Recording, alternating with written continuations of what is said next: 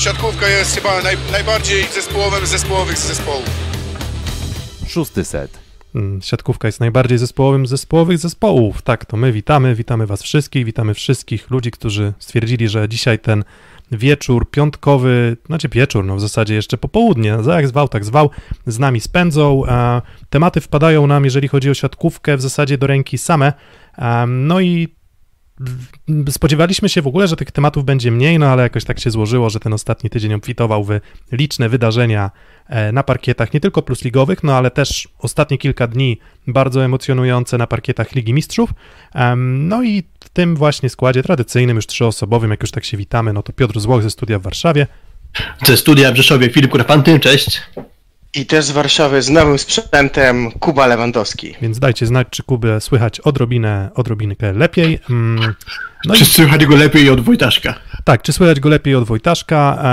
Damian Wojtaszek w zeszłym tygodniu miał no, kontuzję, taki nieprzyjemnie wyglądający upadek i strasznie cicho brzmiał ten czwarty set starcia Sekoresowi Rzeszów właśnie, na, e, nie, nie na Torwarze, a w hali Ursynów przeciwko Werwie, Werwie Warszawa, no bo właśnie Damiana Wojtaszka na boisku nie było, a on słynie z krzyków e, licznych i takich motywacyjnych, no ale właśnie Damian Wojtaszek był między innymi e, współuczestnikiem tych wydarzeń, które miały miejsce w ostatnich kilku dniach, czyli wtorek, środa, czwartek, Liga Mistrzów, e, Werwa Warszawa.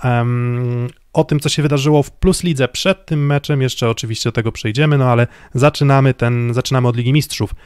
No i pojechała Werwa do Modeny, tak, bo w Modenie chyba się ten drugi turniej odbywał. Tak jest. No właśnie, no, pojechała do Modeny. em, No właśnie, tak się, staram się wyeliminować to ze swojego, e, ze swojego prowadzenia e, transmisji. Mm, Więc e, trzy mecze do rozegrania właśnie z Modeną, mm, właśnie z Kuzbasem Kemerowo i trzeci mecz z Knakiem Rozelary, więc no niełatwa grupa. I nie spodziewałem się do końca tego, że aż tak mocno Warszawa powalczy, ale jednocześnie też nie spodziewałem się tego, że ta cała walka, cały wysiłek, który włożyli, za który bardzo duży szacunek do nich mam, skończy się no jednak w tak nieprzewidywalny sposób. Mm, Jest za co grillować Warszawę, czy, czy raczej doceniamy ich y, wysiłek i ich, powiedzmy, poziom sportowy? Mm, Biorąc pod uwagę to, co działo się w poprzednim sezonie Ligi Mistrzów i jak Werwa wtedy podeszła do tych rozgrywek, no to teraz na pewno e, większy szacunek dla Warszawy za to, co pokazali, bo to, że im w tej breaku brakowało tylko dziewięciu małych punktów do awansu, no to pokazuje, jak bardzo niedaleko, niedaleko był ten ćwierćfinał, a rywali mieli przecież y, niełatwych, bo czy to Leo Szus Modena, czy Kuzbas Kemerowo, no to, to nie są zespoły jakieś e, słabe, czy nawet nie z pokroju choćby Benfiki Lizbona zeszłosezononowej. Tak, no chociaż, E, chociaż w tym sezonie... Zaczęło się, w tym sezonie te, te, te dwie drużyny, to też na co warto zwrócić uwagę, bardziej marki niż jakiś e, ek, bardzo ekskluzywny poziom sportowy. To też tak e, trzeba, trzeba o tym pamiętać, tak, że, że, że marki, naz, nazwy wielkie, e, ale poziom sportowy no taki, że Werwa była w stanie walczyć.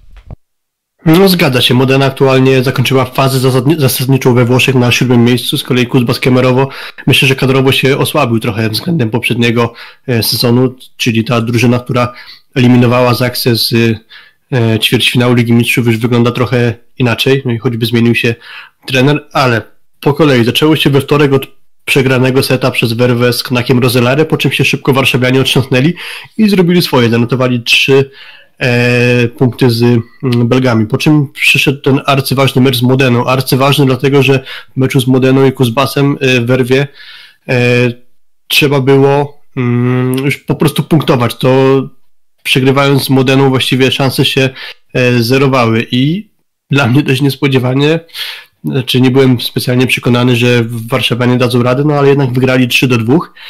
Mm, Po czym nadszedł, nadszedł ten mecz już finalnie można powiedzieć katastrofy, bo raz, że Warszawa zagrała słabo, no to mimo tego i tak byli blisko, żeby awans wywalczyć. No jeżeli w tiebreaku wystarczy im nawet nie tyle wygrać, co zdobyć 9 małych punktów i grają z Kuzbasem, który nie gra już o nic, bo oni szansę na awans stracili już dużo wcześniej.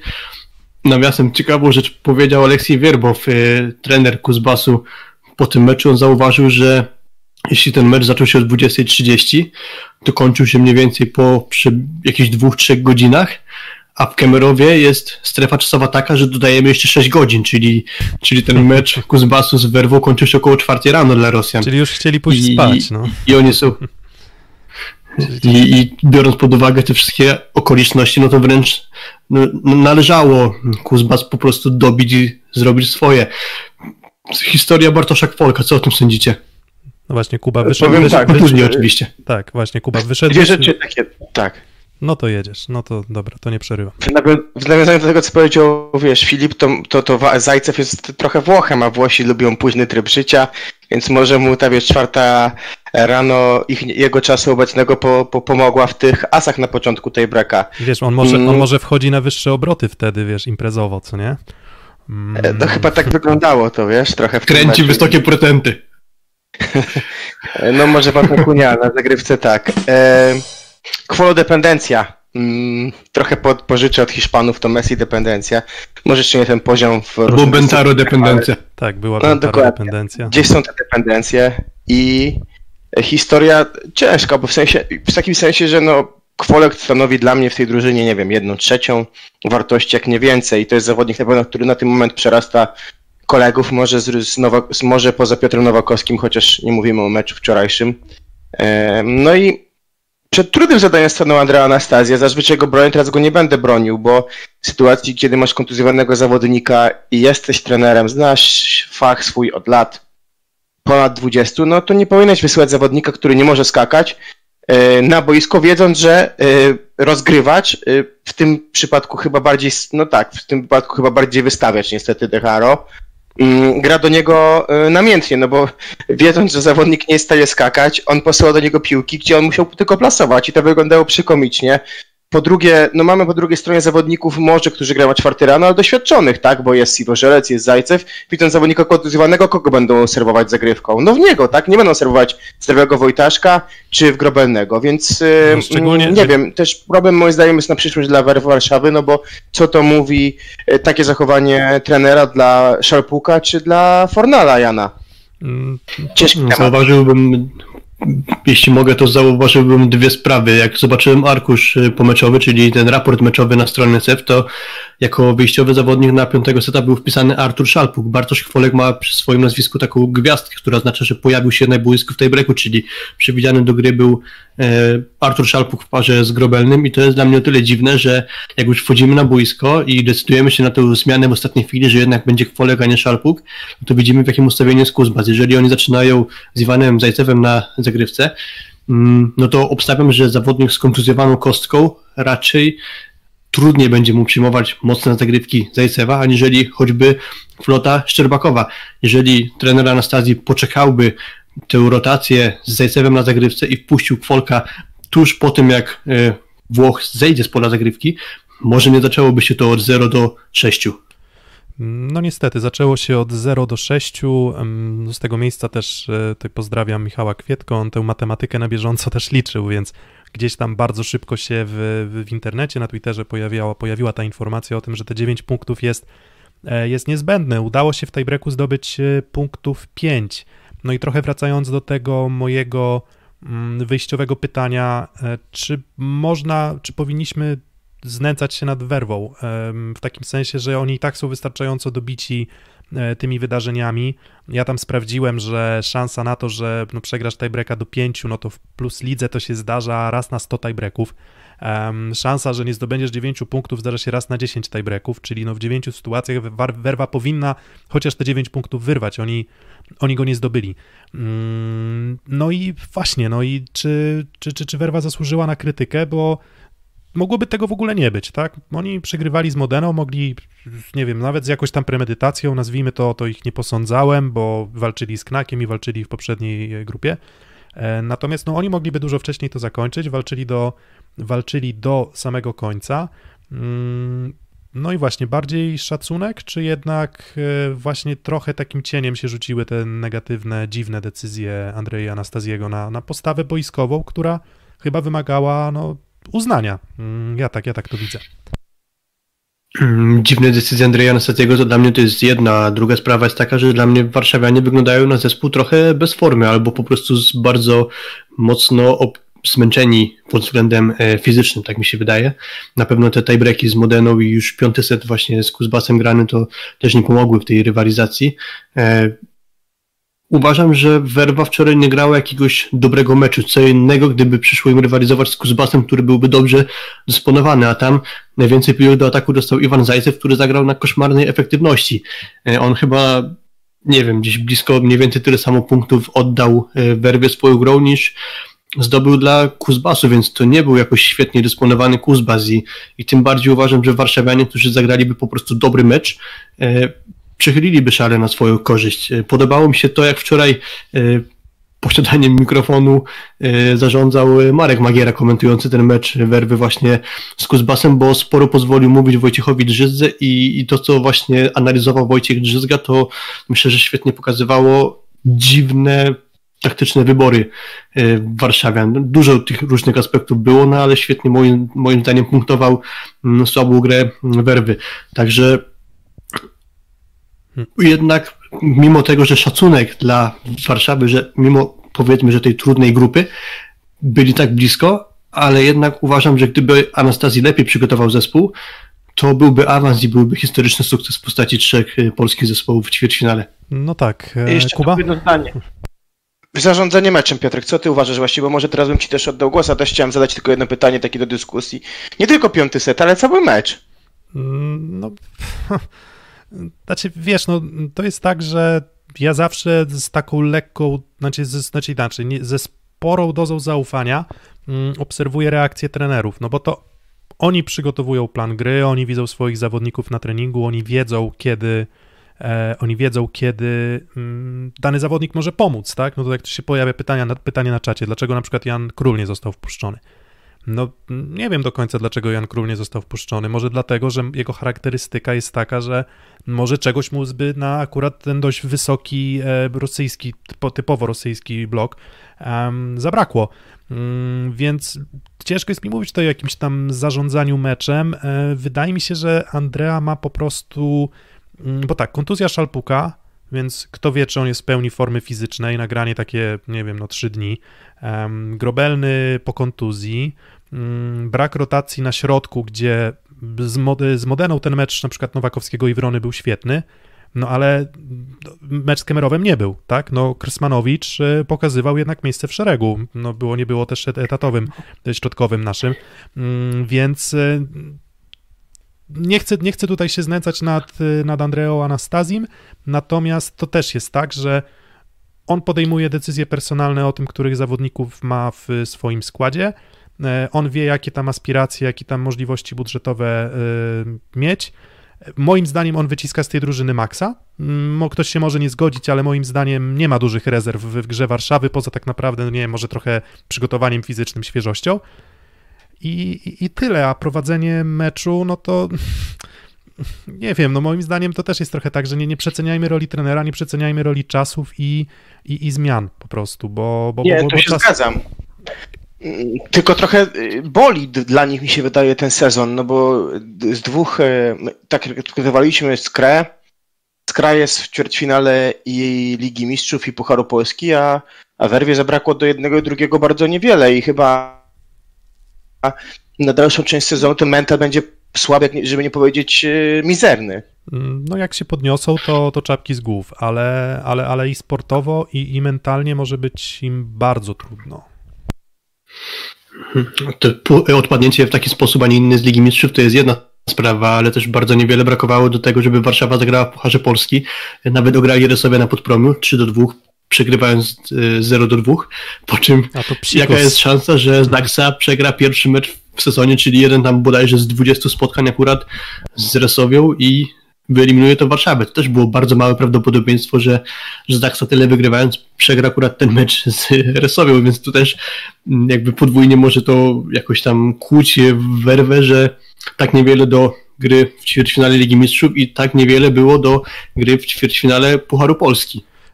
No, myślę, że tak. Myślę, że nie chcę mówić, że mogą sobie pluć w brodę, no bo akurat y, w obu przypadkach, no to jak, wiesz, też ciekawe, nie przegraliby seta z Knakiem Rozelare, e, bo tam chyba Kwolek wyszedł, nie, nie, nie, nie wyszedł w podstawowym składzie.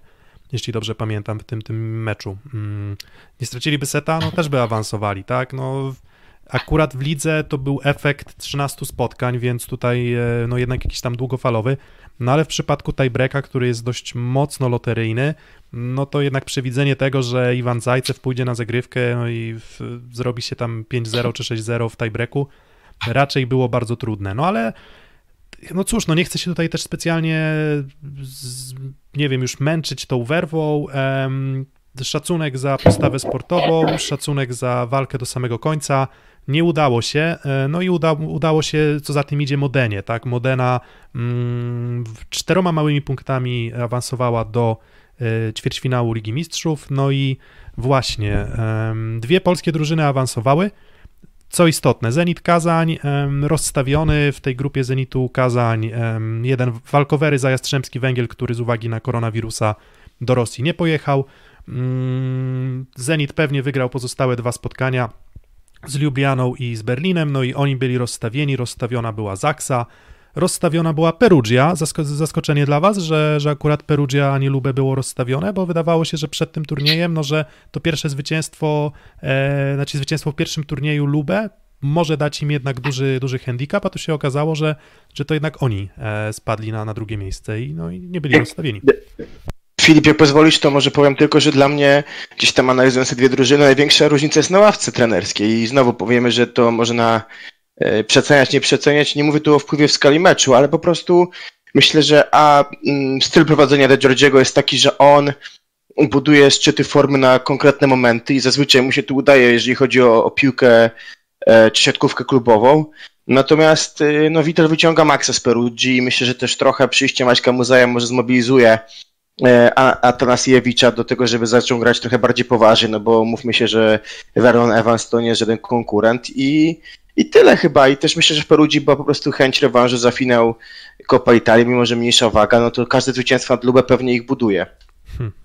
No właśnie. Mhm. Lubę z Perugią grało w finał Pucharu Włoch na neutralnym terenie w Bolonii. E, ten mecz ostatni Perugii z Lubę był już w, e, w Alabarton, czyli w hali Perugii. Tam akurat we Włoszech ogromne znaczenie ma to, jeśli gra się w swojej hali, czyli tam generalnie trafianie zagrywką e, myślę, że ma spore znaczenie, to historia ostatnich playoffów pokazuje. E, no i pod tym względem można się w sumie nie dziwić, że Perugia tak gładko sobie z Lubę poradziła, chociaż tak sądziłem, że, że tam będzie bardziej wyrównana, zacięta walka i nie byłbym zdziwiony, gdyby to Lubę jednak wygrało e, te, ten mecz właśnie z Perugią i, i w ogóle m, mm, całą grupę.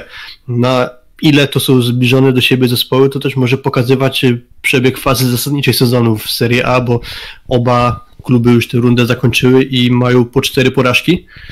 E, przy czym Perugia miała sporo więcej punktów, to chyba cztery punkty więcej przy równej liczbie wygranych meczów, a przed ostatnią kolejką już było wiadomo, że e, lokata będzie, rozkład lokat będzie taki, a nie inny, czyli Perugia na pierwszym, Lubę na drugim mhm. i ostatnią kolejkę oba zespoły po prostu przegrały, czyli de facto można powiedzieć z tych ważnych meczów to przegrały tylko po trzy w rundzie zasadniczej. Dla mnie lepszą drużyną generalnie. A dobra, to jeszcze później może porozmawiamy e, w kontekście wyniku losowania. To no jeszcze właśnie, o tym no właśnie. powiem, zaraz, do czego teraz zmierzałem. Tak, zaraz, zaraz tę planszę o wyniku losowania e, przedstawimy. Mm, co jeszcze w pozostałych grupach? E, no to tak, Zaksa wychodzi z pierwszego miejsca z rozstawieniem, Skrabeł Chatów Wspominaliśmy o tym, że te 13 punktów, 4 zwycięstwa, 2 porażki powinny wystarczyć. No i wystarczyły. E, I wystarczyły nawet pomimo tego, że mm, te walkowery byłyby trochę niesprawiedliwe. W sensie, ty nawet Filip, rozmawialiśmy sobie kuluarowo, że gdyby Werwa wyszła jednak z grupy, e, to okazałoby się w sumie, że te walkowery nie były aż tak istotnym problemem i aż tak istotnym e, benefitem dla drużyn takich jak na przykład Berlin Recycling Volleys, ale śmiem twierdzić, że gdyby Berlin zmierzył się chociaż jednym meczu z Jastrzębskim Węglem, to tych 12 punktów by nie uciłał. Mm, nie tyle 12 punktów, co nawet nie wygrałby z Jastrzębiem dwa razy po 3-0.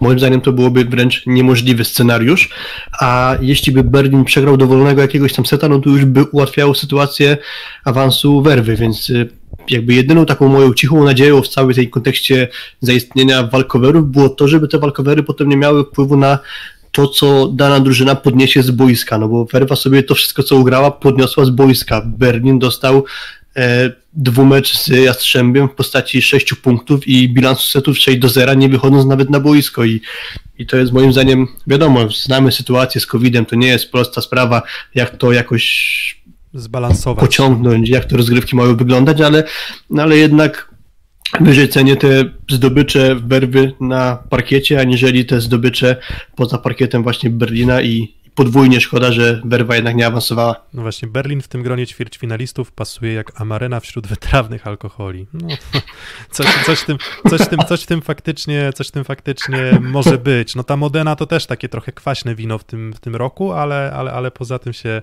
się na pewno zgadzam. No dobra, no i tak, no i więc losowanie wyglądało tak, że rozstawiona była Zaksa, rozstawiony był Zenit, rozstawiona była Perugia i rozstawione było Trentino. No i do tej grupy czterech drużyn e, dolosowywaliśmy mm, rywali. Mm, no i rywalami, e, rywalami był właśnie wspomniany Lube, co właśnie Berlin, tak, jako druga drużyna, PGS Krabełchatów i czwarta drużyna to był, e, Boże... E, mówisz o rozstawionym zespole, nie, nie rozstawionym zespołach, o, tak? O nierozstawionym, tak. E, Modena. Modena, no jasne. Nierozstawiona jasne, tak, Modena. Tak, jakiś, jakiś, taki, jakiś taki e, brain fart, że, że tak ujmę. No i dobra, no jaki, no jaki jest rezultat te, tego, tego całego działania? Piękna grafika ze strony, nie, to jeszcze nie to, dobra, losowanie Ligi Mistrzów, proszę bardzo. Mm, tak to wygląda, zaraz powinniście to widzieć już na, na swoim ekranie. Mm, PGS Krabełchatów kontra Zenit Kazań, Kucinę Lubecz i Witanowa kontra grupa Azoty Kędzierzyn-Koźle, Berlin Recycling Volleys kontra Itas Trentino, no i Leoszus Modena kontra Sersicoma Monini Perugia. No i ewentualnie w półfinale będziemy mieli półfinał Polski, tak? Czyli jeżeli PGS Krabełchatów ogra Kazań, a, a Zaksa, grupa Azoty Kędzierzyn-Koźle swoją drogą, nawet nie Zaksa, e, w Lidze Mistrzów pod taką nazwą występują, no to wtedy będziemy mieli polski półfinał. No ale właśnie, no to różne opinie spotkałem o tym losowaniu. Ja osobiście jestem nim podekscytowany i uważam, że to bardzo dobrze, że już na tym etapie polskie drużyny będą się mierzyć z tymi najmocniejszymi. Uważam, że takie zwycięstwo czy, czy, czy ewentualny awans byłby bardzo dużą wartością i pokazałby, że, że Pol Liga Polska już nie odstaje na tyle mocno, no ale jednak wiele osób mówi, że fajniej byłoby teraz trafić właśnie na, nie wiem, w przypadku Zaksy na może Modenę czy Berlin, mm, w przypadku Skry, no w sumie trudno powiedzieć, no bo czy to Trentino, czy Kazań, czy Perugia, bo na Kędzierzy nie mogli trafić, to też byłoby bardzo trudne losowanie. Mm, natomiast w przypadku Zaksy, no dobrze, że trafili na to Lubecz niedobrze, bo o szansach Zaksy zaraz jeszcze porozmawiamy, ale wolelibyście poczekać do półfinału, czy, czy tłuczemy się już teraz i, i, i, i do boju. Mm, do, powiedziałeś, że jesteś podekscytowany wynikiem tego losowania, no to ja mogę powiedzieć, też jestem podekscytowany, aczkolwiek nie uważam, że to było najlepsze możliwe losowanie, bo akurat trafienie przez Zaksę na Lubę to jest w sumie dla mnie najgorsza e, z możliwych opcji. E, z kolei Skra uważam, że trafiła względnie najlepiej, bo, bo sądzę, że jeśli się mierzyć z kimś z e, trójki tych rozstawionych zespołów, no to poza Zachsu wiadomo, no to, no to właśnie najlepiej byłoby grać z Zenitem, przy czym to też uważam, że nie będzie na pewno dla Skry spacerek i, i nadal dla mnie Skra nie jest faworytem tego dwumeczu z zespołem Alekny, um, ale i tak względnie uważam to za najlepsze losowanie. Zenit jest obecnie w koszmarnym dołku e, formy, chociaż sądzę, że i jeszcze lada chwila i raczej się z niego po prostu wygrzebią, a to nadal, nadal jest bardzo mocna e, drużyna. Jeśli chodzi o Perugię, E, czy, no Kuba?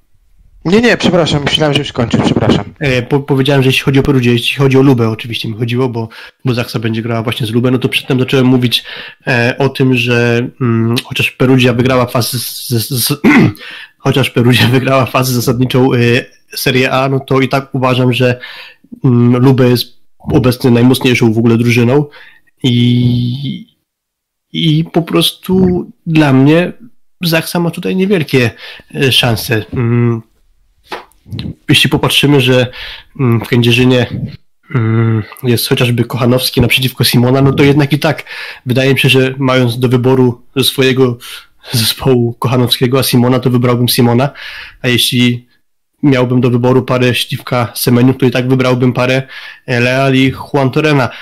W sumie nie bez pewnie przyczyny, jak kogoś z chociażby znanych siatkarzy zapyta się o to, kto jest obecnie najlepszym siatkarzem świata, no to jeśli nie Leon, to z jakiegoś powodu wybiera się Leala, a choćby Erwin Gapet w ostatnim niedawnym wywiadzie dla Lewi powiedział, że jeśli on będzie miał 35 lat, no to chciałby być w takiej dyspozycji, jak jest w wieku 35 lat obecnie Osmany Juan Torena. Mm, to jakby świadczy o tej sile Lubę i to, że oni w ostatnich latach są dobrze, czy tam w ostatnich dwóch sezonach są dobrze poukładani przez De i wygrywają, co mają wygrywać, no to tylko tym mocniej świadczy o tym, jak trudne zadanie przed Zaksą. Ale jestem o tyle podekscytowany, wracając Piotr do tego, co ty powiedziałeś, że mamy obecnie Zaksę, która jest w bardzo dobrej formie, która jest, można powiedzieć, maszyną, która tam walcuje ze przeciwników do tej pory w Lidze Mistrzów jeszcze w Plus Lidze i omijają ją problemy zdrowotne, więc jestem no, bardzo podekscytowany tym, jak ten najlepszy obecnie polski zespół, myślę, że w ogóle ostatnich lat, wypadnie na tle właśnie Lubę i tym bardziej to może być ciekawe, że oba zespoły prezentują trochę inną siatkówkę, inny rodzaj siatkówki i w czymś innym e, tkwią największe atuty tych zespołów. Tak, Filip, Filip po 10 minutach zakończył. Kuba, w końcu może się wypowiedzieć. Krótko, wiesz, e, dwie rzeczy. Zacytuję raz ciebie, bo zawsze mam to w zwyczaju. Napisać na naszej grupie na Messengerze, że to jest starcie najlepszej ofensywy, pewnie z najlepszą defensywą w siatkówce w tej chwili, no i to jest pełna zgoda. Mm, Więc zawsze takie mecze są bardzo ciekawe. W piłce nożnej to zazwyczaj wygrywa defensywa. No pytanie, jak będzie w siatkówce, mam też taką nadzieję. E, A jeżeli chodzi o, o Zaksę, no to myślę, że od czasu skry i finału w Atlas Arenie i drużyny z, z wlazłym um, winiarskim Kurkiem i Falaską, chyba najlepsza nasza drużyna, tak mi się przynajmniej wydaje. I teraz mm, niesamowicie ciekawe spotkanie, co mnie cieszy, co mnie cieszy najbardziej, e, pierwsze spotkanie za 10 dni. I teraz widać dołek po, po e, Lubę, E, więc e, Azaksa teraz lekki odpoczynek, ale no, na wynikach aż tak bardzo się to nie odbiło, tak? Jeżeli chodzi o, o jeżeli już wychodzi główna szóstka, to problemów nie ma. Także no, ciekawy jestem tego spotkania. Oczywiście zgadzam się z tym, już nie przedłużając, że no, na większości pozycji, pewnie wyłączając Libero i, i pewnie drugiego środkowego, no to mamy w Lubę lepszych zawodników, tak? No i może rozgrywający są pewnie na poziomie podobnym, a jeżeli nawet nie, to Newton nie jest lepszym, więc e, będzie ciężko, ale trzymamy kciuki. Jeżeli chodzi o Skrę, rozpędza się.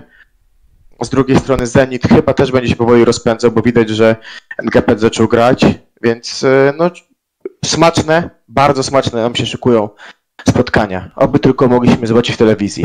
Hmm. No myślę, że tak, myślę, że akurat ten protest, y, który sprawił, że no, nie, nie, nie, nie mogliśmy na żywo oglądać meczu e, Warszawy z Modeną, znaczy były możliwości, żeby to zrobić, ale tak jak coś to na priv możemy podrzucić, jak to, e, jak, jak, można było to, jak można było to osiągnąć. Mm, no dobra, no to jeszcze moje trzy grosze. Patrząc czysto statystycznie, tam można by się spierać, jak duża jest różnica jak duża jest różnica pomiędzy ligą włoską a ligą polską, tak? Natomiast na dystansie całego sezonu, iluś tam już wiesz, setek, e, setek wykonanych ataków, zagrywek, e, bloków i tak dalej, statystycznie Zaksa tak bardzo wyprzedza Ligę Polską, jak Lubę wyprzedza Ligę Włoską i powiedzmy te parametry są, są tutaj bardzo podobne. Ja pewnie trochę, trochę się zagłębię jeszcze w te dane, które gdzieś tam pewnie precyzyjnie opisują, na przykład jak Lubę radzi sobie, nie wiem, z, z defensywą, jeżeli chodzi o, mm, o blok e, na lewym skrzydle, na prawym skrzydle, to potem oczywiście, oczywiście będę starał się przedstawić. Natomiast mm, dla mnie to jest wspaniały sprawdzian, tak, bo mm, ja też patrzę na to spotkanie w taki sposób, że tutaj padło stwierdzenie, że w Lubę już dziadki, ja nie wiem, czy to są dziadki, a jak byłbym dziadkiem, to chciałbym być chyba w formie Osmanego Juan Toreny.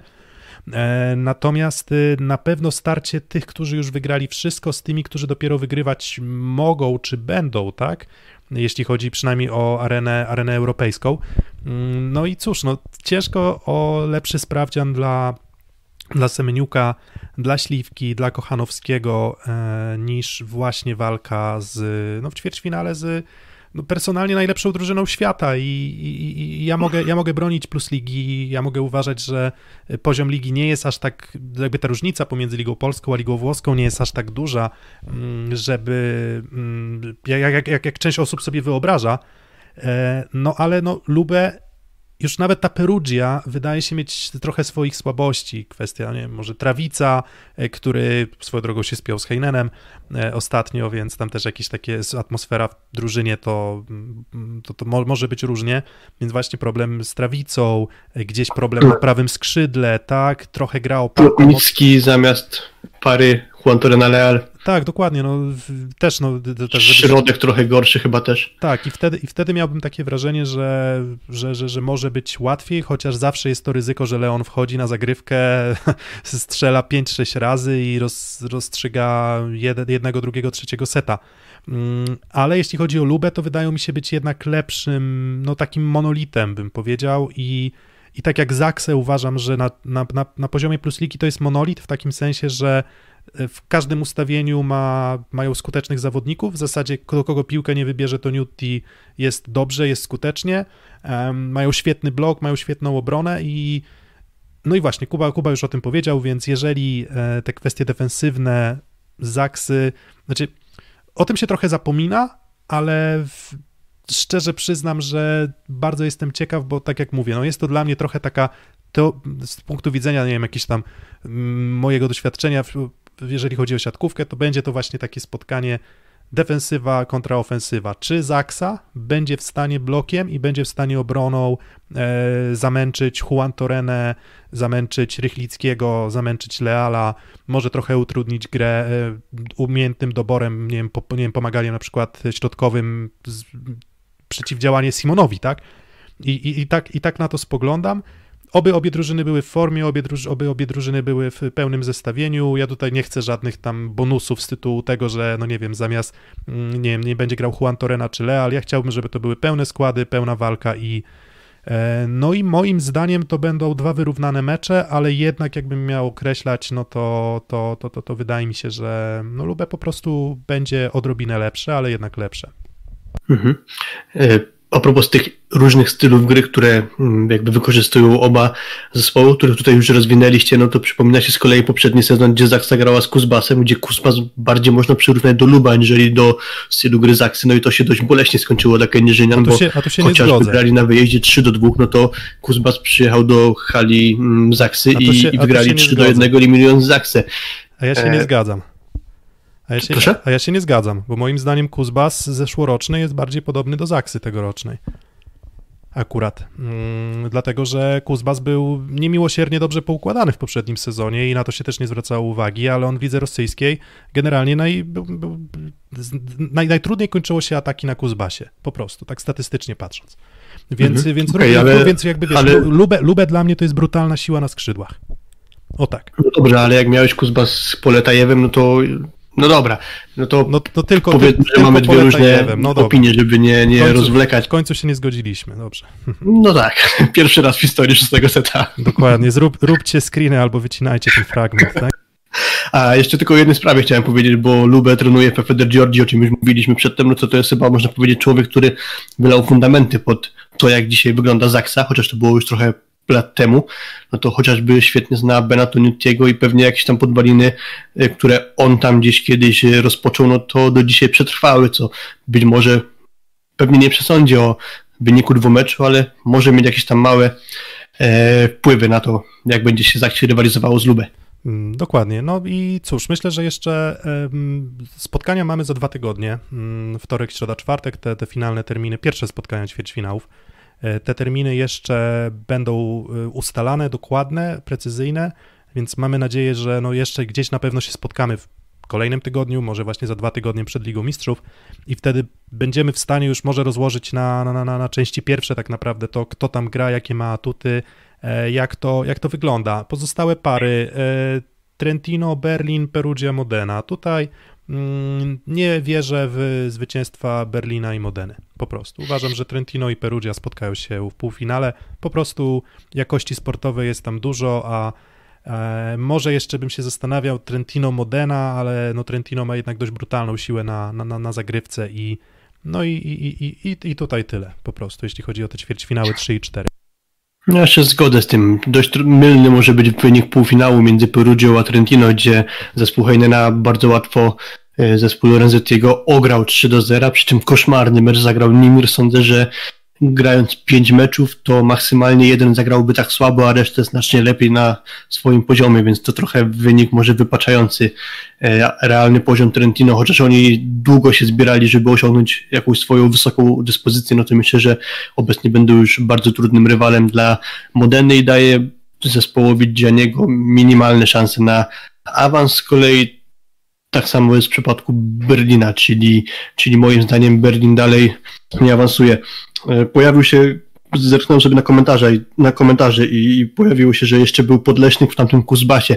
To też jest w sumie ciekawa sprawa, bo w przypadku tamtej rywalizacji z akcji z Kuzbasem mówiło się o tym, że w Kędzierzynie nie grał Łukasz Kaczmarek, ale właśnie w Kuzbasie nie grał ten Podleśnik, bo w pierwszym meczu w ogóle go nie było w kadrze meczowej, a w drugiej był zgłoszony jako libero, więc on wracał po kontuzji z meczu z Zaksą się nie pojawił na boisku, więc to nie tylko Zaksa była wtedy osłabiona, ale to tak e, jakby nawiasem.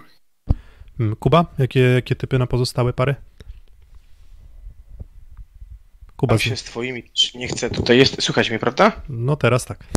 Tak, no nie, chcę, nie chcę się też rozwlekać i powielać tego, co ty powiedziałeś, e, także e, chociaż ja liczę, że jedna polska drużyna się, się w czwórce znajdzie, co najmniej. No właśnie, no więc będzie, będzie bardzo ciekawie.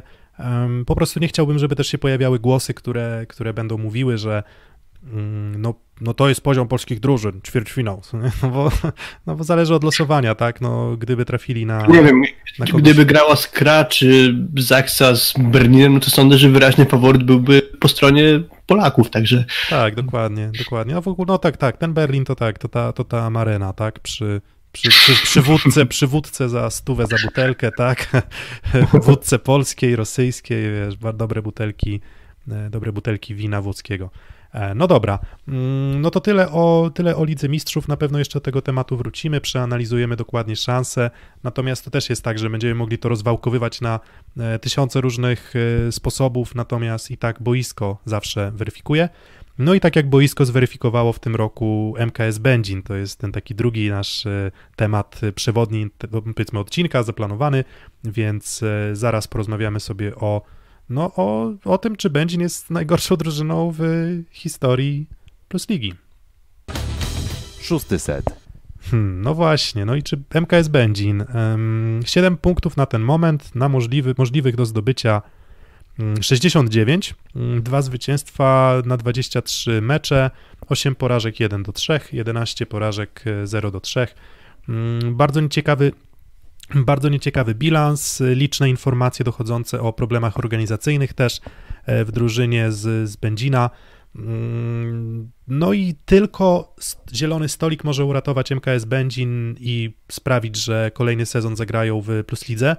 Mm, pod pewnymi względami trochę żałuję, dlatego że tam się ładna hala wybudowała, czy też buduje się w Będzinie i, i pewnie może i sam Będzin liczył na to, że że, że, że będzie w stanie w tej hali zadebiutować, natomiast może ta hala będzie dobrym miejscem do wybudowania, znaczy do, no, będzie takim dobrym zalążkiem do zbudowania drużyny, która będzie o ten awans walczyła. Nie chciałbym, żeby Będzin um, pozostał w plus lidze i nie dlatego, że akurat uważam, że no nie wiem, są drużyną najsłabszą, chociaż zaraz pokażemy kilka, kilka grafik, powspominamy sobie trochę, które drużyny były najsłabsze, Mm, natomiast no, nie zmienia się zasad ustalonych w trakcie gry, tak? To, to, to, to po prostu już wolałbym, żeby, nie wiem, no, dwie lub trzy, jeżeli chcecie rozszerzać, to dwie lub trzy drużyny z pierwszej ligi, czy z ligi ukraińskiej, czy z jakiej jakkolwiek, bo tam takie plotki też się pojawiały. Natomiast Będzin moim zdaniem powinien, e, powinien spróbować powalczyć sportowo o awans do plus ligi i uporządkować trochę, no, Kiermanę, o tak. Myślę, że taki reset w postaci gry jednego przynajmniej sezonu w pierwszej lidze mogłoby korzystnie podziałać na tę drużynę. E, trochę może się gdzieś tam pewne osoby, nie wiem, zastały na swoich stanowiskach na poziomie plus ligi i ewentualny pobyt w pierwszej lidze mógłby tam trochę świeżości czy czegoś dobrego po prostu wnieść, bo no realia są takie, że od Kondoni występują w plus lidze, to, to są jedną z gorszych drużyn i poza tym, co się dzieje na boisku, no to tam jeszcze różne niepokojące sygnały dochodzą z tego, co się dzieje, powiedzmy, w kasie klubu, tak ogólnie to ujmując, a w tym sezonie to już w ogóle jakieś e, dantejskie tam sceny mają miejsce, gdzie brakuje pieniędzy, nie wiem, na wodę do picia, na odżywki i tak dalej. E, no więc dla mnie Plus Liga nie jest miejscem dla zespołów, gdzie dochodzi do takich sytuacji kolejna choćby kuriozalna sytuacja, gdzie klub sobie ściąga gdzieś tam pewnie z drugiego końca świata e, Raymonda Szeto, który miałby zastąpić mm, Fabio Rodrigueza, który w Będzinie jednak na dłużej nie zadomowił się, a Szeto po około miesiącu treningów w drużynie trenera Bednaruka jednak się okazuje, że klubu nie stać na to, żeby zapłacić za jakieś tam, nazwijmy to, o, o, no, opłaty transferowe generalnie i to po prostu zwinął się z Będzina i do tego transferu ostatecznie nie doszło. No to to jest jakby kolejna kuriozalna sytuacja. Dlatego mam nadzieję, że jeśli ktoś powiedział A, to i powie B i faktycznie Będzin zakotwiczy w pierwszej lidze, bo myślę, że na, na teraz jakby nauczenie doświadczeniem jeszcze może nie mówmy o tym, że, że Będzin jest pewny spadku, bo, bo to, że Artur prezes Artur Popko powiedział, że na ten moment nie planują zmieniać zasad, to dla mnie kluczowe jest to, że powiedział na ten moment, czyli na tamten moment, a wiesz, do końca trochę... sezonu jeszcze jest daleko, więc tak, tutaj no. mówimy ostrożnie w takich daleko wiesz, idących wnioskach. Wiesz, wiesz, to tam y, gdzieś tam beczka była toczona mocna z tego, z, z Jacka Sesina, że co, co nie mówi, to na odwrót, tak? No to tutaj mam nadzieję, że jeżeli chodzi o, o, o właśnie prezesa Popko, to to, to, to tak Albo nie na zasadzie, że jeśli mówią, że coś zrobią, to znaczy, że mówią. Tak, dokładnie, ale to wiesz, to też ciekawe, bo się pojawiły te informacje o tym rozszerzeniu ligi zaraz po tym, jak Popko się wypowiadał, że, że, że, że na, absolutnie nie, że, że, że gramy, że tam sportowe spadki są podst podstawą rywalizacji. I zaraz tam chyba w przeciągu tygodnia się pojawiły artykuły, które mówiły, czy też plotki, które mówiły o rozszerzeniu ligi, zobaczymy, e, zobaczymy jak to wygląda. Kuba, mm, jakiś sentyment do MKS-u Będzin, czy tak niespecjalnie? Wiedziałeś dobrze o tej hali i miałem parę razy okazję być w podróży służbowej w okolicach e, Będzina i tą halę widziałem z zewnątrz.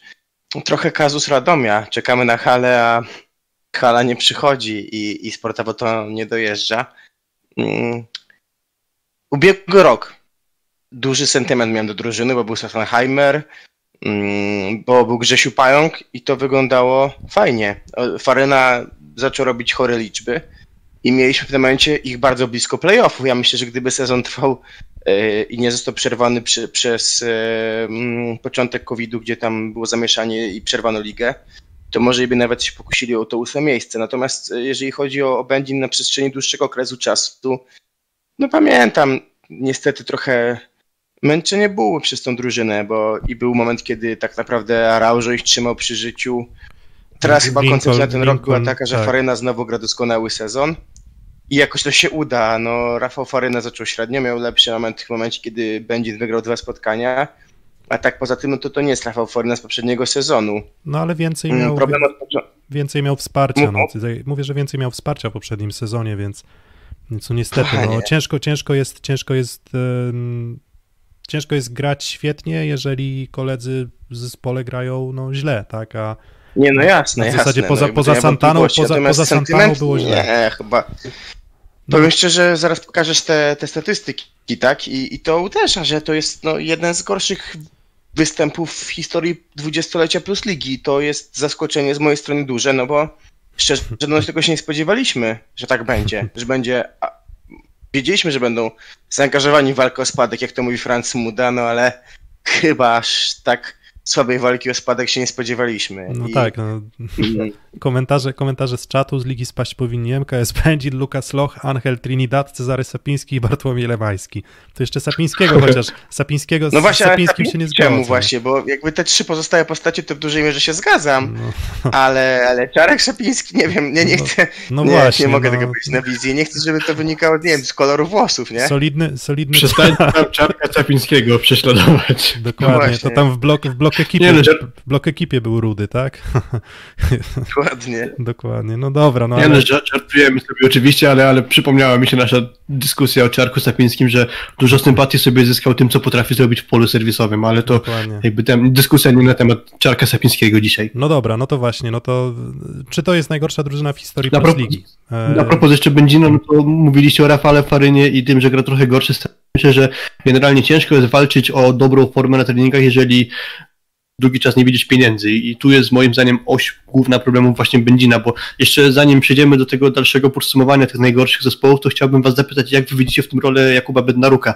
E, jak duży udział jest trenera Bednaruka w takiej hmm. drużynie, jak jest, jaka jest właśnie w Będzinie i z tymi wszystkimi naokoło problemami.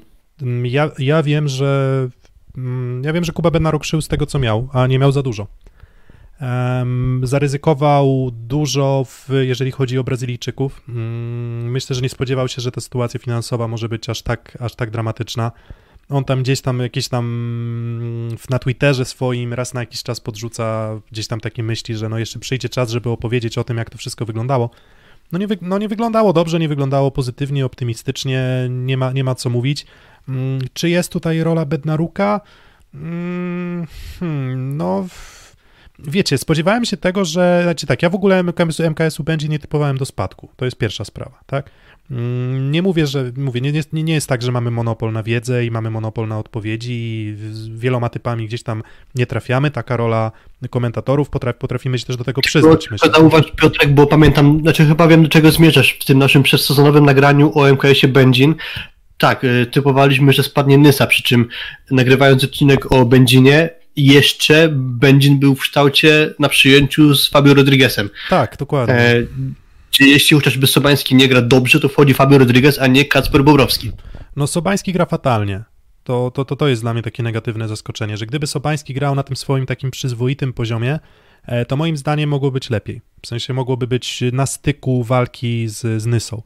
Natomiast e, no, źle, no, źle, źle, źle, to, źle to wyglądało po prostu. Źle to wyglądało na boisku i zestawiając, właśnie, bo to tak trochę unikam odpowiedzi, jaka jest tym rola Kuby Bednaruka, mm, no to co, no to moim zdaniem Wisła Bydgoszcz w zeszłym sezonie, mimo tego, że była gdzieś tam szykanowana i skazywana na spadek, e, to pozostawiła po sobie jednak lepsze wrażenie niż MKS Będzin, chociażby i tymi licznymi tiebreakami.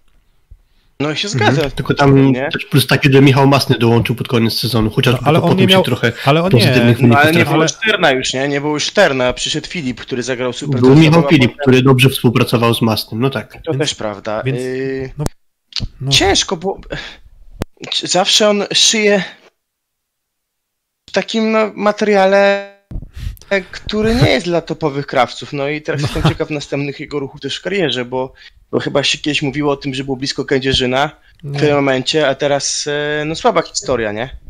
No, myślę, że, że, że nie Kędzierzyn. Tam słyszałem inne, inne pogłoski. No, wróci do miasta. Okej, no ale wróci, no na pewno wróci do miasta. kluby pewnie, które gdzieś tam bliżej, wiesz, top 4, top 6, nie? No tak, no myślę, myślę, że zdecydowanie. No, myślę, że poprzednie sezony pokazały, że Kuba Bednaruk jak ma cokolwiek, to uszyje cokolwiek, tak? W tym sezonie miał tylko farynę, tak? Miał słabych środkowych, miał niedoświadczonego libero, miał Brazylijczyka wyciągniętego w sumie zagadkowego znikąd, który i tak uważam, że Santana się obronił mm, jako, jeden, jako jeden z niewielu, tak. chociaż tak, że, że jakby uważam, że Santana się obronił, tak?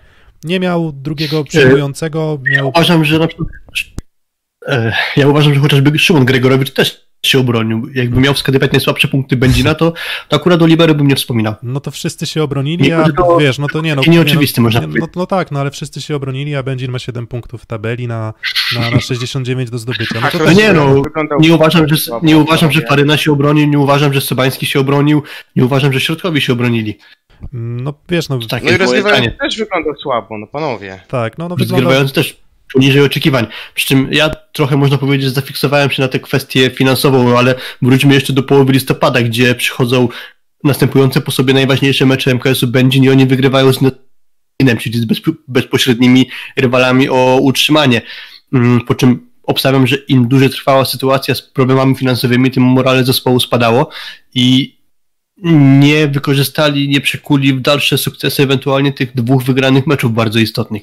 Mm, no wiesz co, tak, no okej, okay, no dobra, no to myślę, że mm, dobra, bo tak strasznie, strasznie się zaciąłem. Nie wiem, nie wiem do końca, nie wiem, nie wiem do końca jak oceniać e, rolę Jakuba Bednaruka. Tak jak mówię, e, moim zdaniem on już wielokrotnie pokazywał, że wystarczy, żeby mieć cokolwiek i jest i, i, I, potrafił, potrafił z tego naprawdę tworzyć interesujące, interesujące, dobrze grające drużyny.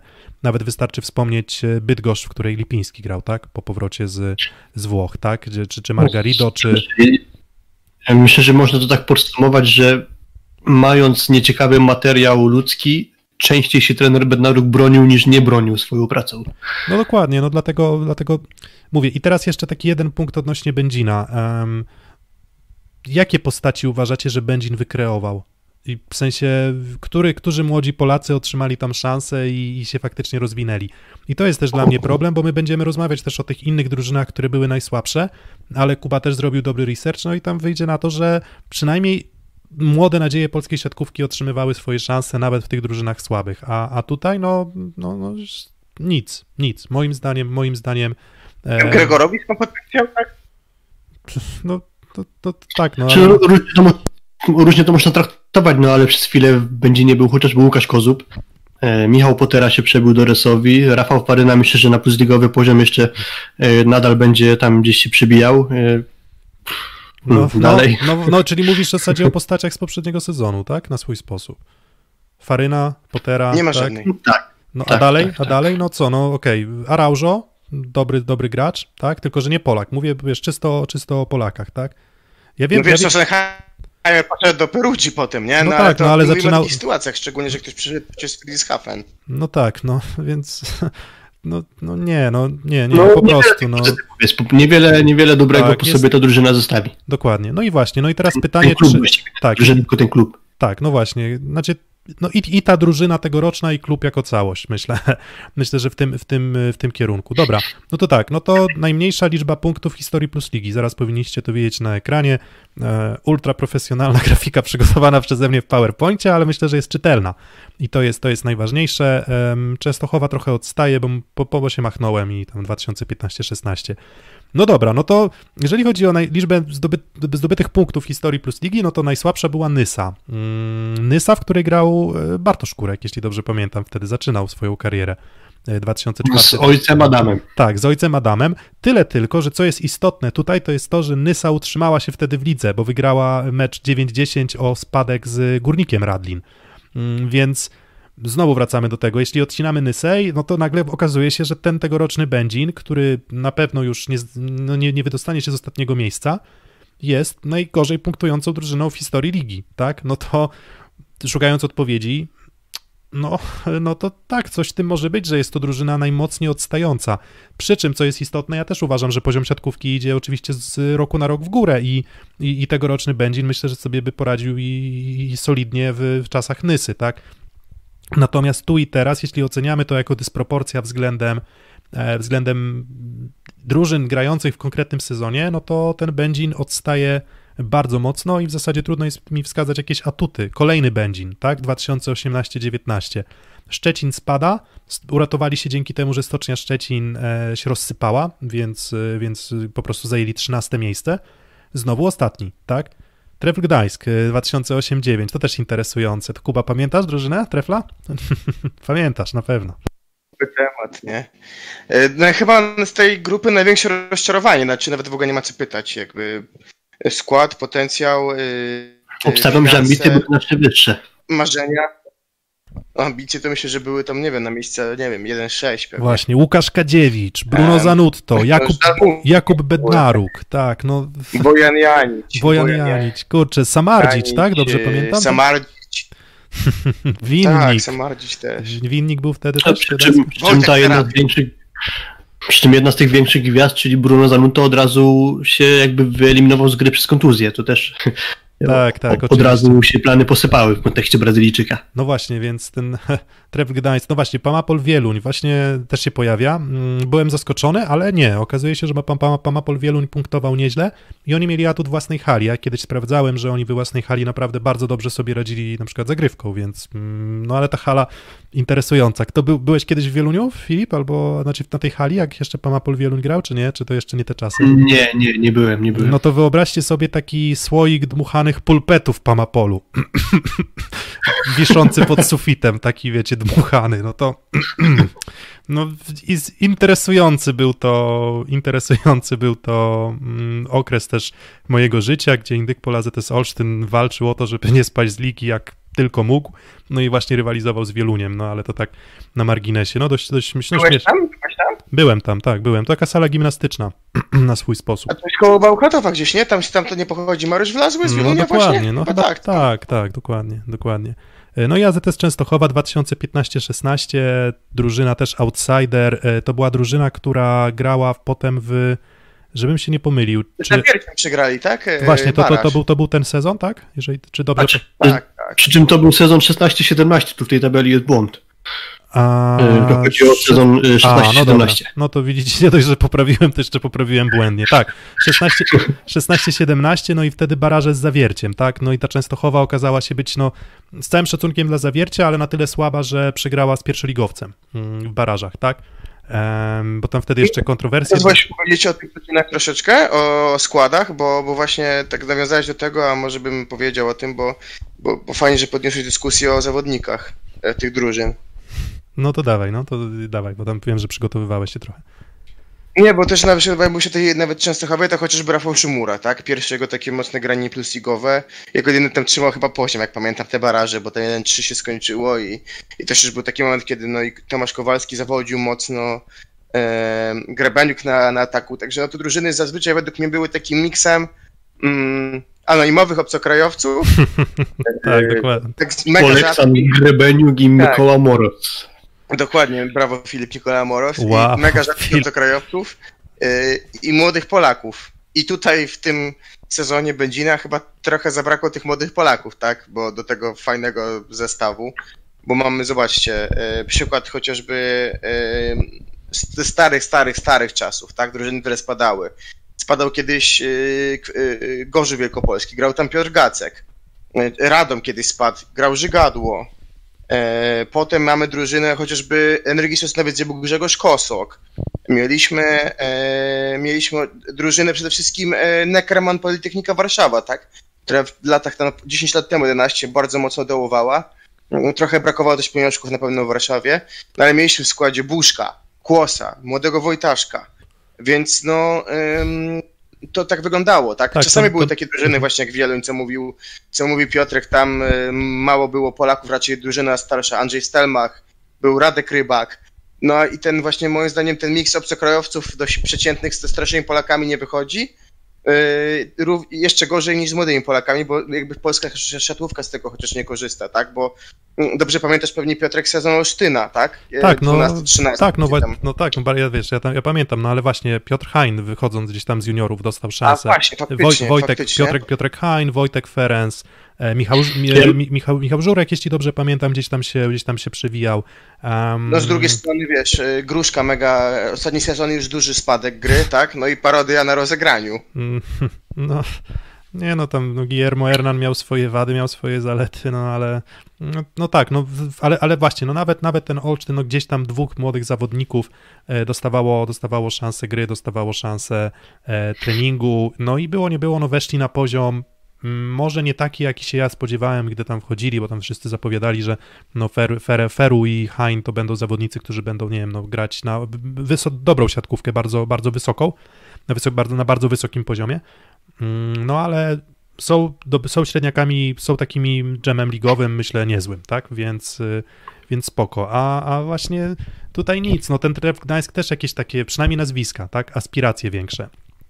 Mm, No ta Częstochowa, Częstochowa słaba. Dobra. mm, Ale Częstochowa z kolei, idąc takimi przykładami, no to sezon 12-13, mimo że jeden z gorszych dorobków w ogóle w historii e, tych zespołów takich e, teraz omawianych, no to ciekawy skład o tyle, że Streczko Lisinac, Miłosz Hebda, Grzegorz Bociek, Marcin Janusz, Kacper Piechocki.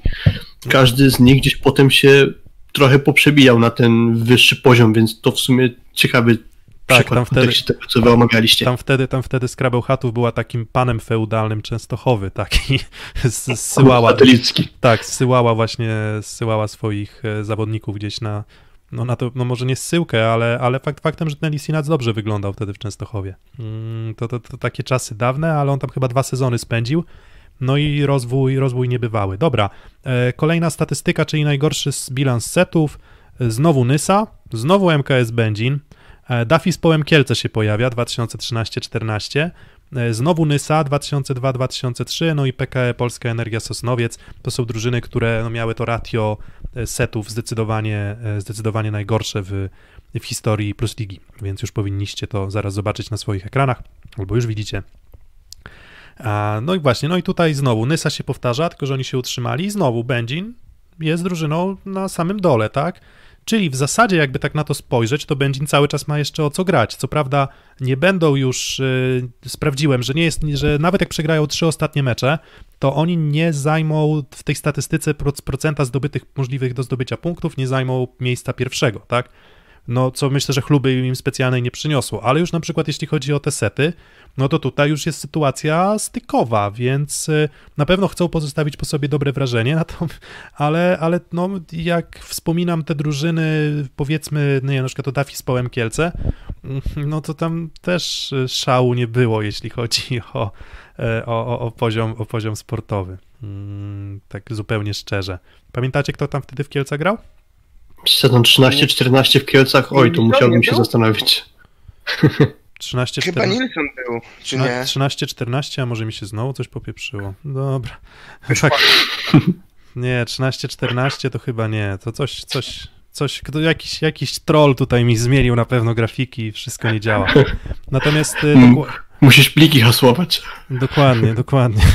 To rus, ruskie trole, to ruskie trole, tak? Jak na, jak na, Albi, jak na Albikli, tak? Jak, jak na Albikli. Ale, ale zaraz, zaraz, wiesz co, 13-14 to nie ma opcji, żeby Nie, to się ma- zgadzało, nie ma bo włączyłem sobie teraz nawet pomoc y, laptopa i 13-14 to był efektor Kielce, miejsce ósme. E, Siedem- a wtedy 17, najgorszy był BT, BBTS Bielsko-Biała. Dobra, 17-18. Mm, jeśli chodzi o, o, o rezultat, tak, no to tutaj znowu, znowu Chochlik. E, A, to i- tak, tak, tak, sie- tak. 17. 17... skład był dosyć ciekawy, jeżeli pozwolisz, bo był Stępień, Superlak, Łaprzyński, Szymański, Jakub, więc y, no tam trochę chłopaków się stało jeszcze w lidze, no tam na, nie dojeżdżał na ataku Tomislav Tokic, Kuba, był taki Ku- Kuba, ananas. Kuba Wachnik, Maciej Pawliński, to też y, Mateusz Czunkiewicz, Dokładnie. Szymon Biniek, Dokładnie. drugi libero Jastrzębia. O, i Michał Superlak też był. Co z ciekawości. Dokładnie, tak? no i Przy Tomislav czym Tokic. chyba jeszcze w roli rozgrywającego Michał Superlak chyba. E, wiesz co, to nie wiem, nie wiem, czy, nie wiem, czy to nie był poprzedni sezon, gdzie był e, środk, on nawet środkowym był bardziej, wiesz? Bo... A nie, wiesz co, nawet sobie włączyłem teraz, to na stronie Plus Digi jest wpisane jako atakujący. Tak, no więc ja pamiętam, że on był na, sweg, na pewnym etapie też chyba środkowym, który mm, zaczął w, po prostu grać na ataku trochę z, z przymusu. No ale dobra, no jest kilka nazwisk, które gdzieś tam się, się utrzymały. Szymański w Katowicach teraz wygląda, wygląda nieźle. Wachnik walczy o awans y, z Lublinem do, do Plus Ligi. Maciej Pawliński też y, myślę, że solidny. Li- Przemysław Stępień, teraz podstawowy rozgrywający Indyk Polu AZS-u. Superlak w Warszawie. Jest kilka nazwisk, tych nazwisk po prostu zabrakło w, e, w przypadku e- MKS-u Będzin, tak? Więc kolejny przykład. No i jeszcze dobra, e, jakieś tam pozostałe grafiki, no to tak, małe punkty. Co nam mówią małe punkty? No to o takim dystansie względem tego, jak bardzo przegrywałeś sety. No to taki bilans 0,83, no to tak jest, to się przekłada mniej więcej na przegrywanie średnio setów tak do 19-20. E, No to tutaj znowu Nysa wygrywa, tylko że mówię, oni się utrzymali jakimś cudem, więc może ktoś wie więcej na temat tego, jakim cudem oni w ogóle się wtedy utrzymali. Mm, skoro- E, tam wtedy Gorzów zajął przedostatnie miejsce i właśnie ten Gorzów e, wtedy się no, spadł z ligi po prostu. Dokładnie. Znowu MKS Będzin, popatrzcie. No więc, e, więc no, można byłoby, myślę, śmiało taką tezę, tezę wysnuwać, że coś tam, coś tam nie, dział, nie, nie, nie, nie w tej drużynie nie działało i nie działało bardzo dobrze, no bo nikt tak źle się nie prezentował na tle oczywiście swoich, e, swoich rywali. Kolejna, kolejna plansza, już przestaniemy Was zanudzać, może już ostatnia. Najgorsza skuteczność, jeśli chodzi o drużyny. No to tutaj sezony 13-14, 14-15 się, się ukłaniają. Mm, AZS Częstochowa, znowu MKS Będzin, tylko że no sprzed kilku lat.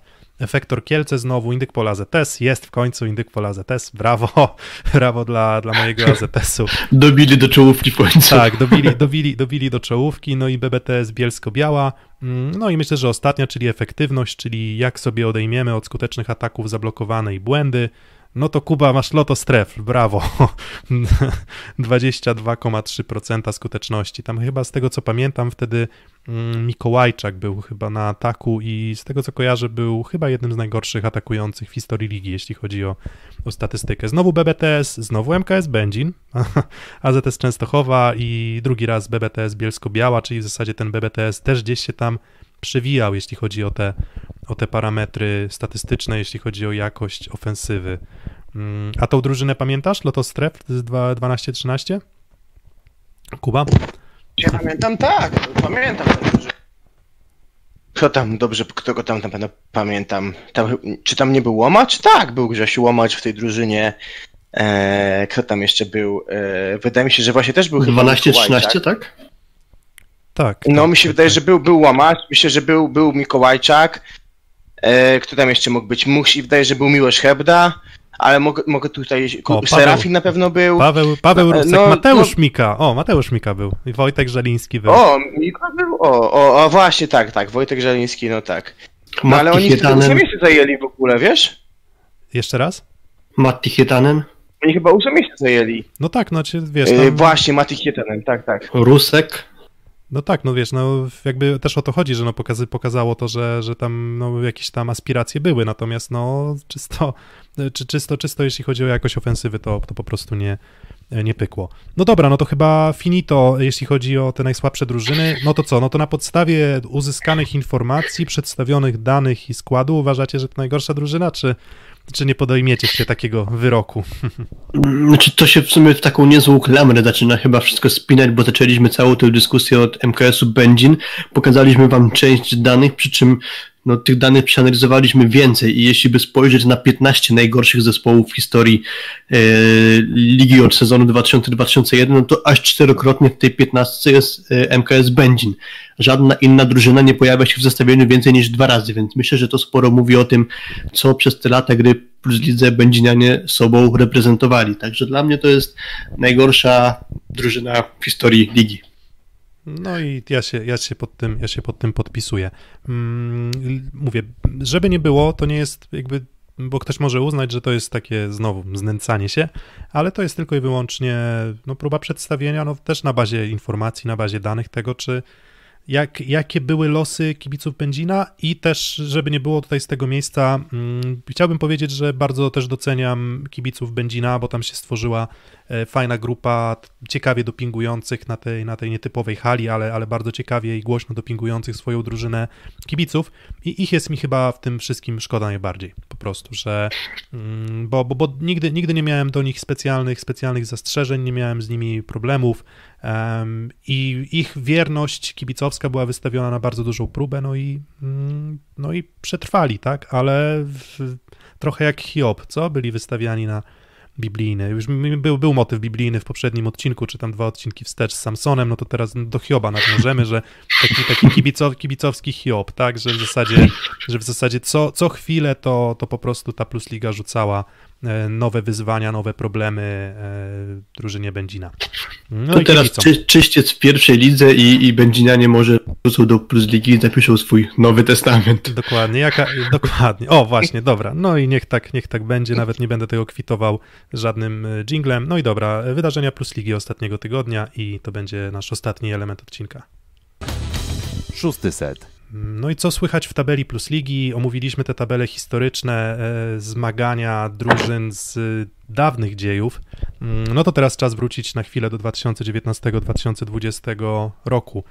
Um, co, co, co, co wiemy, tak? No to dalej nie zmienia się to, że hip-hop i nie zmienia się nic.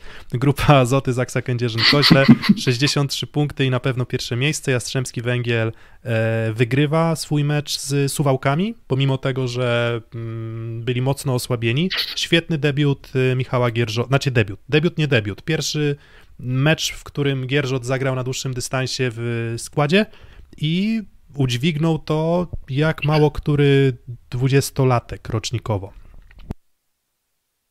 Chłopak jest Mhm. wielki. Naprawdę, to tam dyskusje są, czy powinniśmy stawiać na takich zawodników, czy na innych. Mm, Powinniśmy, na pewno warunki fizyczne w siatkówce grają dużą rolę i są tacy, którzy są zwolennikami takich byczych y, przyjmujących. Y, U niego, co mi się podoba, Byczych- mm, byczych to jest to, że prowadzony bardzo długo już w Jastrzębiu. Przeszedł wszystkie szczeble szkolenia.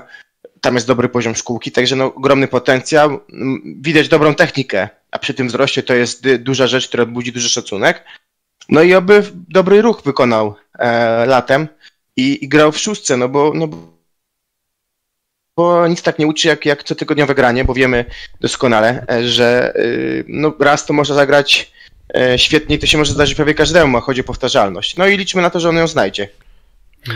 W poprzednim odcinku mówiliśmy o tym, że może nie warto robić podgórkę zespołowi przeciwnemu. Jeśli ktoś prosi cię o możliwość przełożenia spotkania, to może warto się zgodzić, bo historia tego sezonu pokazuje, że jak się nie zgodzisz, to potem przegrywasz mecz. to jest kolejny przykład na to, że, e, no, że warto być po prostu przyjacielsko nastawionym, bo Suwałki nie zgodziły się na przełożenie tego meczu na prośbę Jastrzębskiego Węgla, no i przegrały bez ugrania choćby e, seta. E, druga sprawa, która mi się przypomniała, to Jastrzębiem w tym meczu prowadził Dariusz Lux, który głównie pracuje z jakimiś sekcjami młodzieżowymi Jastrzębskiego Węgla, a nie wiem, czy widzieliście jego nagranie wypowiedzi pomeczowej. O tyle mnie to zaciekawiło, bo on z taką koncentracją zaczął od tego, że siatkówka jest najbardziej zespołową zespołowych gier. Czyli próbował, od, próbował odtworzyć to swoje hasło, tak? Z naszej czołówki. Tak, tak. I dla nas pracuje, nie? Bo ta Jastrzębie to też dla nas pracuje. Dokładnie, dokładnie. No. I tym, tym razem poszło wszystko tak jak, tak, jak trzeba było, już nie, nie pomyliły się pojęcia, no. ale nasz dżingiel już zostanie na wieczność. No i cóż, no w tym sezonie Dariusz Lux ma bilans jedno zwycięstwo w jednym meczu, trzy punkty max, max. więc y, nawet Grbicz już przegrał dwa mecze. No i co? Szachmat.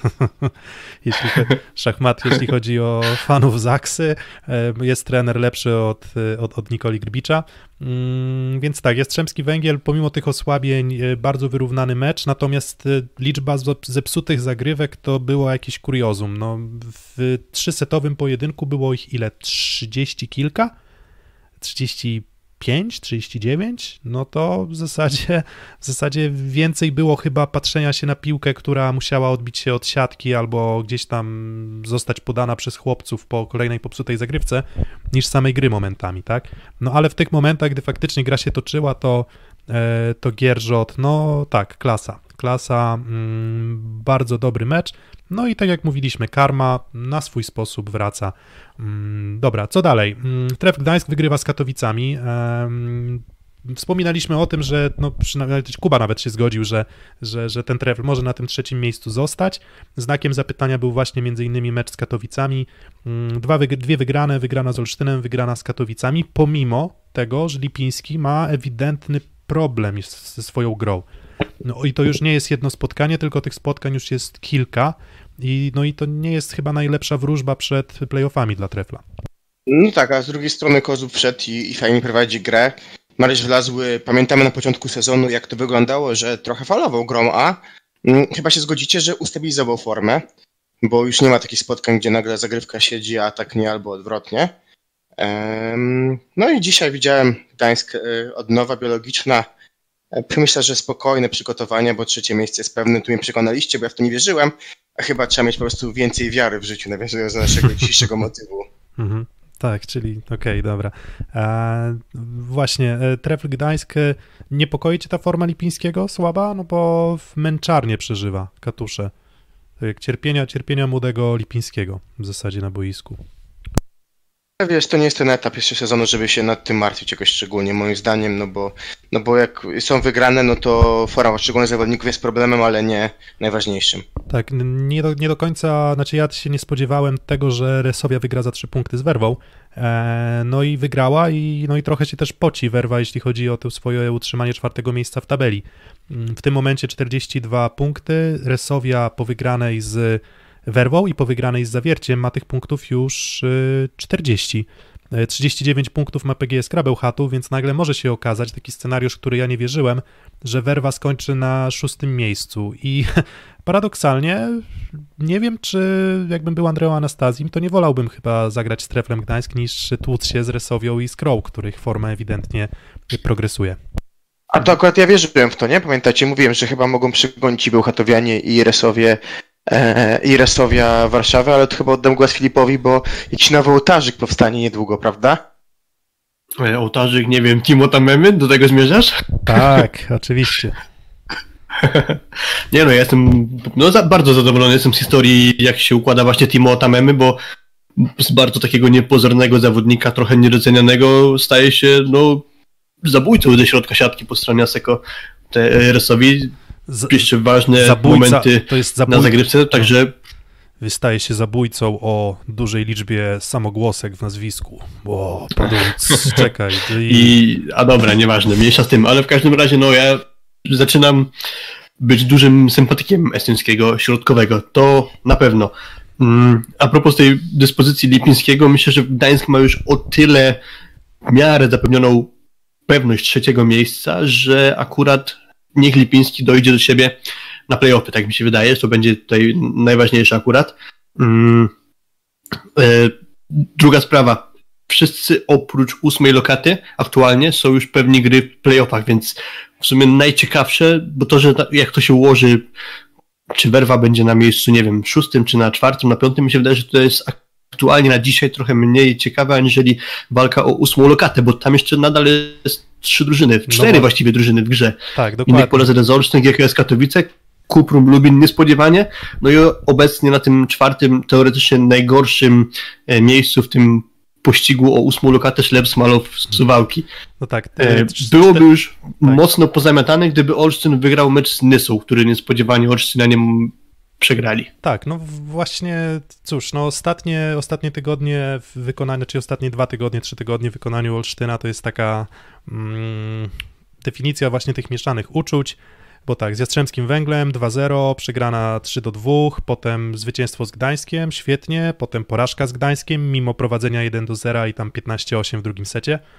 Więc y, no ciułają te punkty, męczą się, są drużyną jednak dość nieregularną, ale coś, co może zwiastować też y, no, jakieś tam pozytywne rozstrzygnięcie, chociaż mówię, no na podstawie jednego meczu trudno wnioski wyciągać, mm, no to jednak z Katowicami na dystansie no, tych czterech setów 3 do 1 y, AZS zwyciężył.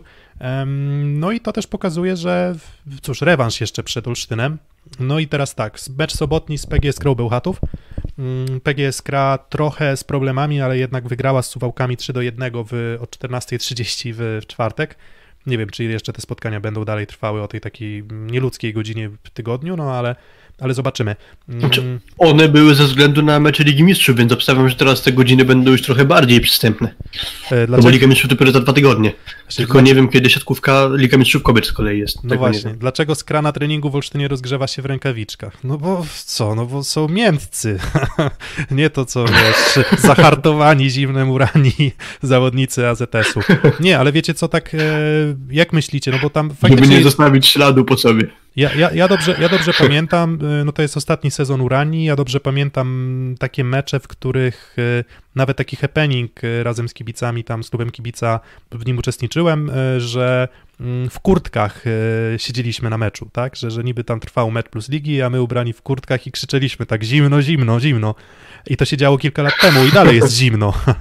więc więc hala, hala jest naprawdę biedna. No ten remont długo wyczekiwany, on w końcu się zacznie, więc, więc AZS będzie prawdopodobnie grał w Iławie. Mm, Natomiast y, to też pytanie do was. No to chyba może być atut Olsztyna. No jednak w tej hali po prostu jest zimno, jest ogromna kubatura. Zazwyczaj ludzie chuchali i trochę temperaturą swojego ciała. Można z tego szydzić, ale faktycznie tak było, że, że gdy pojawiali się ludzie, to, to, to gdzieś po prostu ta temperatura w hali w tych miesiącach zimowych wzrosła. Tak drastycznej zimy też już nie mieliśmy. No i to może być przewaga AZS-u, no bo zwróćcie uwagę, z Jastrzębiem 3 punkty, z Katowicami 3 punkty, z Gdańskiem 3 punkty. Trochę twierdza iglo się zrobiła, co? O tyle jest to korzystne, że jeszcze we własnej hali Olsztynianie, jeśli się nie mylę, zagrają właśnie ze wspomnianą przez ciebie Piotrek z Crow i na koniec fazy zasadniczej z Resowią. Jedyny wyjazd z tych trzech meczów to jest do Katowic, czy tam do Szopienic konkretnie. E, więc z tych e, trzech meczów dwa we własnej hali, no to faktycznie może być jakiś tam atut. Przy czym Katowice w swojej hali grają wszystkie trzy pozostałe mecze. No ale mają, E, ale tylko, mają tam normalną... trudniej, bo to jest Zaksa, e, jest właśnie Olsztyn i jeśli się nie mylę, to jest Radom chyba na koniec. No ale mają tam normalną temperaturę na hali, no to co to za przewaga własnego parkietu? Kibiców nie ma. No trochę, ale wiesz, zawsze można okno otworzyć. No tak, no tylko wiesz, tylko wtedy nie masz na tym takiej kontroli, a w Uranii jest tak, że znaczy wtedy, może, wtedy można ci zarzucić, że zrobiłeś to rozmyślnie, a w Uranii nie da się zarzucić, no bo to nie jest wina, to nie jest wina Damiana Szulca czy Daniela Castellaniego, że nikt tam papą nie ocieplił sufitów hali Urania, no. Tak, no sorry, znaczy, wiecie, no takie są realia, no to jest miasto wojewódzkie i mnie to, mnie to żenuje trochę, ale no tak jest po prostu, no jest, jest mi trochę głupio z tego powodu, ale ale, ale, ale trochę też mnie to bawi, tak? Więc, y, więc myślę, że to może być atutem mm, AZS-u, który no jednak trenuje tam na co dzień, chociaż też nie wydaje mi się, żeby zawsze w, e, w, tych, w tych warunkach. Mm, wydaje mi się, że w, przy takiej temperaturze oni często też trenują w, w Kortowie, czyli tam w, w kampusie akademickim. Jeszcze mnie teraz dorośniło, bo spadło to, że skra chyba rozgrzewała się w rękawiczkach czy coś takiego. No to ja gdzieś widziałem zdjęcie z tego meczu Olsztyna z Katowicami, gdzie nie było transmisji, że sędziowie chyba e, wykonywali swoją pracę w polarach. To też taka nieoczywista, niecodzienna w ogóle sytuacja. No mówię, jak, jakoś tak widzisz, piłka, piłkarze na zewnątrz grają i wiesz, mają śnieg i zmrożone boisko, a, a tutaj problem jest taki. Ale, ale coś, coś, w tym, coś w tym musi nie, być, nie, że, nie, coś, to, to, że tam zawsze było zimno, przy czym nie ma ludzi dodatkowych, czyli kilku tysięcy osób na trybunach, co, co trochę jeszcze może dodatkowo obniżać a, a temperaturę myślicie, i tak a, a pół, żartem, pół żartem mówiąc to fizyka tu gra rolę, no to myślicie, ojca oszukasz, matkę oszukasz, ale fizyki nie oszukasz. Właśnie, a myślicie, że sędziowie delikatniej oceniają odbicia górą na przykład w takich sytuacjach, czy nie? Nie wiem, ale, ale wyobrażam sobie, że musi być dużo trudniejsze, a nie z marzniętymi rękami. No dokładnie. Pamiętacie Michała Bąkiewicza, który rękawiczki nosił, czy nie? Że normalnie grał w rękawiczkach. Hmm, czy, czy, czy pamiętasz to, czy nie pamiętasz? Ale on ja coś, wiesz, tam skrążenie Tak, krwi tak, ja wiem, ja wiem, tak, tak, tak, oczywiście, to jakby nie, nie, nie porównuję tego, natomiast po prostu mówię, że no, on po prostu był w stanie był w stanie wtedy grać w, po prostu w specjalnych rękawiczkach, które to krążenie w dłoniach, e, w dłoniach Michałowi Bąkiewiczowi poprawiały. E, no ale no cóż, kuriozum, kuriozum, takie sytuacje na szczęście są ostatnimi sytuacjami. Do, trzeba dokończyć sezon. Trochę niefortunnie się złożyło, że te temperatury na zewnątrz są jakie są. No ale cóż, no to hale, hala sportowa raczej nie powinna być uzależniona od tego, czy na zewnątrz jest, jest zimno, czy nie i temperatura. No ale cóż, ta, zbieg tych wszystkich sytuacji spowodował, że Olsztyn na pewno ma jakiś tam atut. Ja mam nadzieję na może punkcik z Bełchatowem, ale jakby miał tak pragmatycznie oceniać, to, to, to, to Skra będzie zmarznięta i wkurzona i będzie chciała wygrać szybko mm, ten mecz. Potem jeszcze mecz z Resowią na sam koniec, no i wyjazdowy mecz y, z Katowicami. Mm, Katowice z kolei jakich mają rywali? Mają tak Zaksę, tak, w weekend, Olsztyn i, i Radom, tak? Jest, I Radom. Jest, no właśnie, no i tak, dalej, kogo, kogo jeszcze mamy? Suwałki mają Gdańsk, y, Będzin i Nysę, wszystko u siebie, mm, więc oni potencjalnie mogą, no, w 6 punktów, myślę, że liczą na 6 punktów co najmniej, no i z tym Gdańskiem też myślę, że, że będą chcieli walczyć y, bardzo uważnie. No i ten Kuprum Lubin to też jest y, fajna historia i, i też ja nie przewidywałem Lubina do spadku, ale spodziewałem się, że będą bliżej miejsca 13 a oni się, oni się tłuką o playoffy, tak? Oni chyba w styczniu już pięć zwycięstw, jeżeli dobrze, e, jeżeli dobrze pamiętam. Hmm, chyba w tym roku kalendarzowym jeszcze nie przegrali, wydaje mi się. No właśnie. Przy czym też y, pamiętam, Piotrek, jak y, dyskutowaliśmy o Lubinie w naszym przedsezonowym odcinku, no to z kolei nie, nie, wiedzieliśmy wtedy jeszcze, że dołączy tam Mikołaj Pęczew, który okazał się solidnym y, punktem właśnie tej ekipy. Tak, to tak, to, to, to prawda, um, to prawda, ale też y, no, nie, nie spodziewaliśmy się, że Jimenez tak dobrze będzie grał akurat. Hmm. E, więc to, no cóż, no... Dobry czuję, że Wojciech Ferenc tak, jest, jest, za co chwalić tak, Lubinem tak, pracę jest, Marcelu tak, Tak, my jeszcze, my jeszcze na pewno będziemy rozmawiać o tych, te, te pod, na podsumowania przyjdzie czas. Teraz jeszcze walka ligowa, Kuprum Lubin trzy mecze, e, Zaksa, Jastrzębie i, i Resowia. Tak, to są, to, są, to, są, to są trzy drużyny. No i... już, już w sobotę. Tak, dokładnie. Resowia Lubin. Trzy punkty straty do AZS-u Olsztyn, no to oni musieliby liczyć, że no w tych bardzo trudnych meczach a Zaksa chyba już y, swoje punkty rozdała w tym sezonie, no bo w, teraz w tygodniu grali z Radomiem. Nie spodziewam się, żeby Grbicz tak ostro sięgał do, do rotacji. W sensie spodziewam się tego, że może próbować trochę mieszać, czyli podstawowy skład z rezerwowym, ale raczej już bym się nie spodziewał, żeby mm, żeby do końca na przykład rundy nie grali w Toniutti, Semeniuk, Śliwka, Kochanowski e, i spółka. Mm, więc to raczej nie, nie, nie daje dużych szans Kuprum na awans. Natomiast nawet jeżeli w tym momencie oni na przykład zajęliby miejsce dziesiąte, no to to będzie ich, ich bardzo duży sukces i w stosunku do oczekiwań potencjału też finansowego, to to, to fajnie stworzona drużyna, za którą naprawdę można ze swoimi ograniczeniami, jeśli chodzi o pewnie jakość skrzydłowych, szczególnie przyjmujących w ofensywie, ale, ale na pewno można ich mm, chwalić.